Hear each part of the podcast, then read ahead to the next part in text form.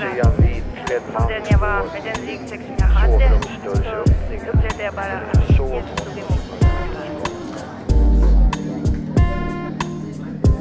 Röster från Sankta Clara med Maj-Lis Johansson. Välkommen till Sankta Clara kyrka och till Klara Röster. Vi fortsätter vår serie och idag ska jag intervjua en tjej som heter Martina Hallberg. Vi träffades, jag och min man, eh, på en restaurang första gången, det är alldeles nyligen. Vi satt vid ett bord och de satt bredvid, Martina hennes man. Plötsligt så sa jag till Martina, vad vacker du är. Och både du och din man och jag, vi fyra, började nästan brista. För Guds kärlek var där.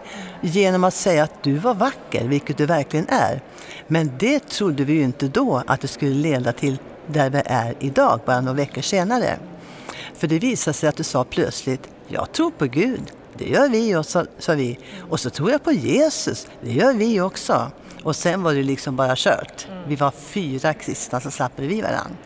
Martina, nu ska du få berätta om din bakgrund, nuet och framförhållning. Ja, det jag, kan, eh, jag kan börja med att mitt liv som barn har varit väldigt jobbigt. Jag har varit med om väldigt traumatiska saker.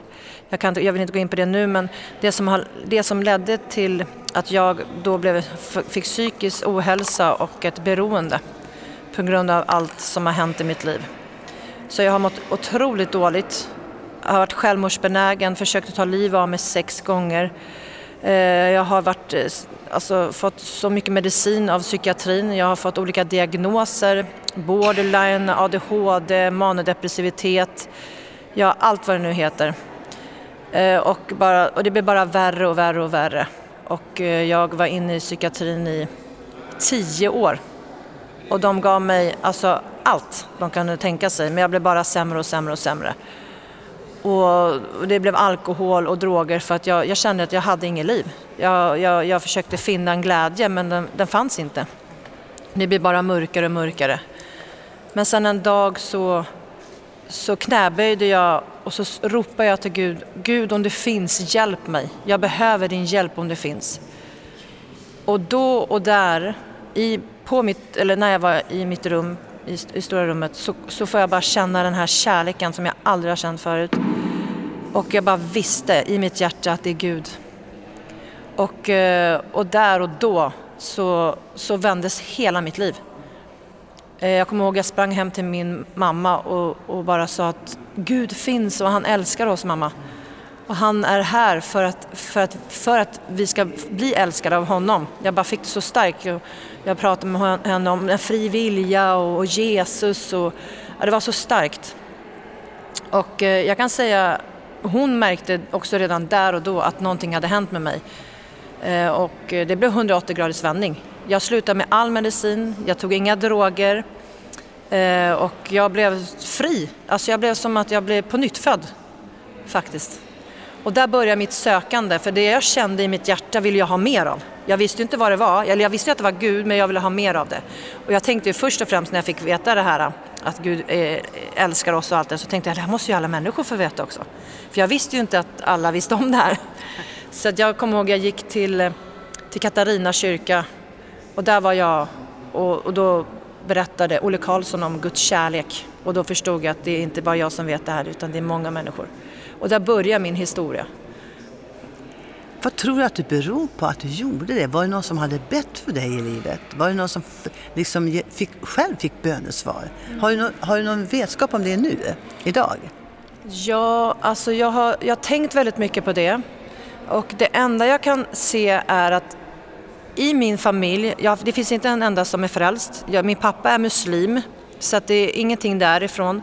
Men däremot min sons pappas, eh pappas eh, syster är troende. Och hon, tror jag, har bett för mig och, och Julian och, och, hela hennes familj. Jag tror det måste vara därifrån. Jag måste vara ett bönesvar, faktiskt. Det står ju att mycket förmår en rättfärdig mans bön. Bönen är ju en kommunikation mellan mig och Gud.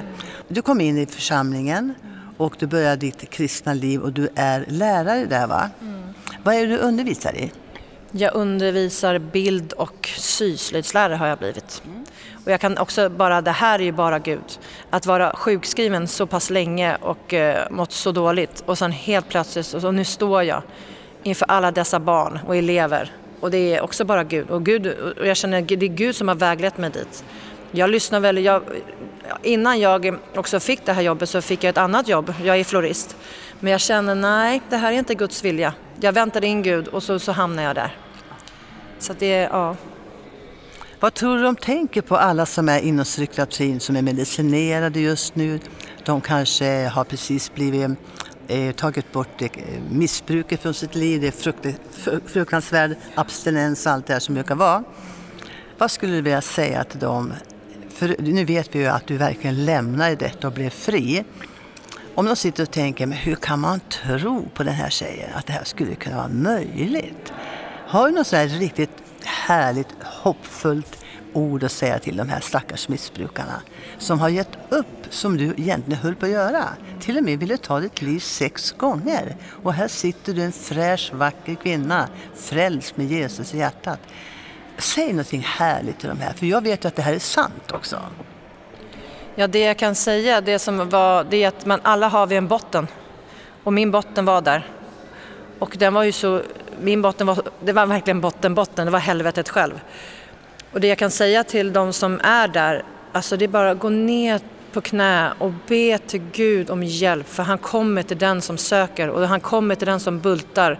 Och jag bultade hårt. Jag skrek ut i, i både rädsla och, och att jag hade inget annat än Gud kände jag som kunde hjälpa mig. Och jag hade ännu ingen tro heller. Och det, och det var, men ändå visste jag på något sätt, jag vet inte hur jag kommer sig att jag, jag plötsligt bara skrek ut Gud, hjälp mig. Det var, det var som min lägsta punkt.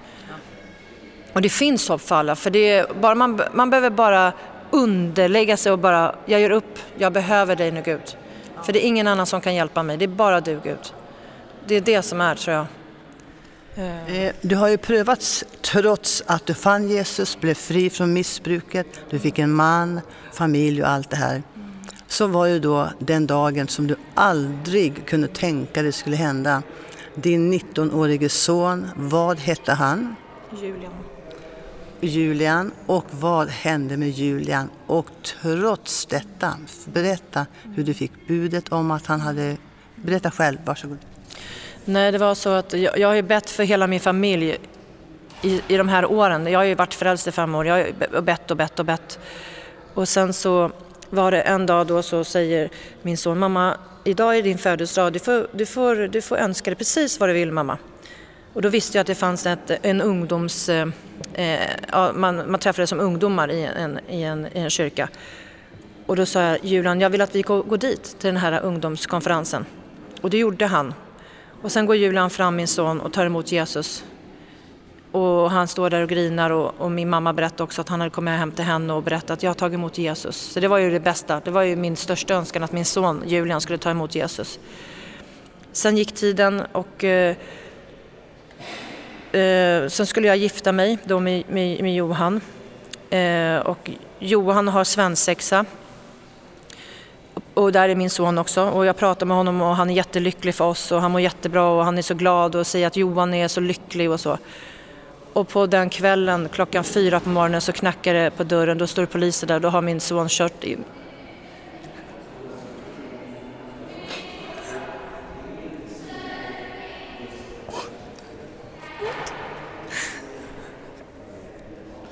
kommit i en motorcykelolycka. Men i, i, min, i min vred och jag skrek ut Gud, Gud, du måste visa mig ett tecken på att julen lever. För jag kände ändå att han kan inte bara dö. Och då visade Gud mig att han är med Jesus. Och han vinkade farväl.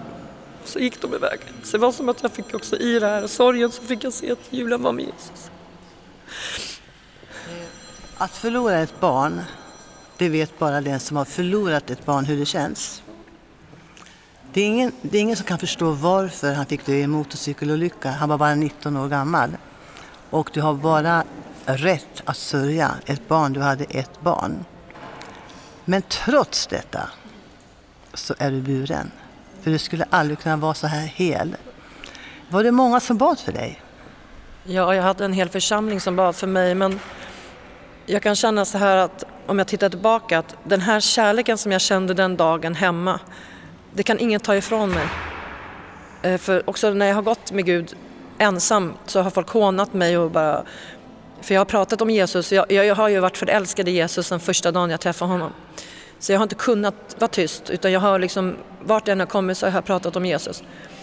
Och då har det blivit så att även fast jag visste att det här hände och jag kanske har varit arg på Gud och så, så har jag ändå känt att den här Herren är min herde och mig ska ingenting fattas och han låter mig vila på gröna ängar. Och även om jag vandrar i dödsskuggans dal så kommer han inte, så behöver jag inte frukta någonting för Gud är med mig. Jag är inte ensam. Och det här har, har liksom varit som en bön för mig. Och, men i den här, för först kände jag, först var jag lite arg och ledsen på Gud.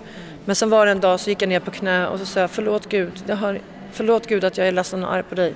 Det här har inte med dig att göra. Och när jag sa så, då var det som att Gud gav mig en frid som övergår allt förstånd. Jag fick, I den här sorgen så har jag ändå känt mig buren och jag har frid. Det är som att Gud torkar mina tårar.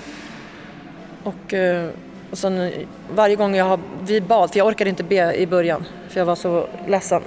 Men eh, Henrik, vad säger jag, eh, Johan bad och det var som att Jesus kom in i rummet och bara fyllde den med kärlek. Så att, ja, nej, Gud han, jag känner att han är med hela tiden vad man än går igenom i livet så är han där.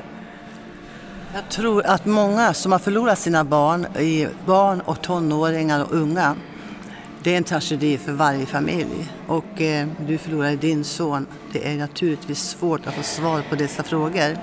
Vi kristna brukar säga i himlen får vi svar. Vi har inget annat hopp än att vi får svaret där. Eh, Trots detta som sagt så är du väldigt väl bevarad. En fräsch, vacker kvinna sitter här framför mig. Och du är lyckligt gift och får tillhöra en församling och du har en levande tro på en levande Gud som heter Jesus. Och du vet att du kommer få träffa din son i himlen. Du har ju gått igenom livet på många olika sätt och du har haft många vägar. Men du fann vägen som är Jesus som säger han är vägen, sanningen och livet och du håller fast vid den vägen. Vad drömmer du om som har gått igenom så mycket men ändå funnit glädjen? Vad tänker du mest på när det gäller framtiden? Ja, min största dröm är ju faktiskt människor som är självmordsbenägna. Ehm, jag vill på något sätt få, få budskapet till dem att Jesus är den enda vägen som kan rädda deras liv. Och eh, Gud börjar uppenbara lite saker faktiskt, hur jag ska göra, för det är många. Och, eh, och, man kan inte bara gå in i psykiatrin och berätta om Jesus för det, för då, för det kommer inte kunna. Alltså jag måste göra på ett sätt att eh, det är okej. Okay. Och Gud börjar uppenbara nu hur jag ska göra och, och sen så har jag märkt att människor dras till mig som är så pass sjuka. Så att eh, jag tror Gud har en plan med det och eh, sen har jag också stora drömmar att ha stora herrgårdar där man kan odla sin egen mat och även folk som mår dåligt kommer dit och får vara där en stund liksom, och de får äta upp sig och, och sen så att man ger Guds ord till dem. Och, ja, jag har många sådana drömmar. Att ta hand om människor helt enkelt och sprida evangelium. Det är mitt stora, min stora dröm. Ja, så här talar en kvinna som har mött både livets prövningar och glädje. Men framför allt en levande Gud, Jesus Kristus. Jag tror att om jag träffar dig om några år och jag kanske till och med får intervjua dig på den här kanalen jag kommer få höra härliga berättelser. För jag tror att visionen, visionären i dig kommer att bli av. Och jag önskar verkligen Guds välsignelse över ditt hjärta och din framförhållning. Och Guds frid och Guds beskydd framför allt. Och det roliga är att du tror på bönen, på Bibeln, på Jesus och framåt. Och jag välsignar både dig och din man och att ni ska kämpa trons goda kamp. Och tack för att jag fick intervjua dig, du vackra fina kvinna. Tack så mycket. Tack. Har denna berättelse berört dig på något sätt? Eller kanske vill du att vi ber för dig? Kontakta oss på info snabel-a sverigeskristnaradio.se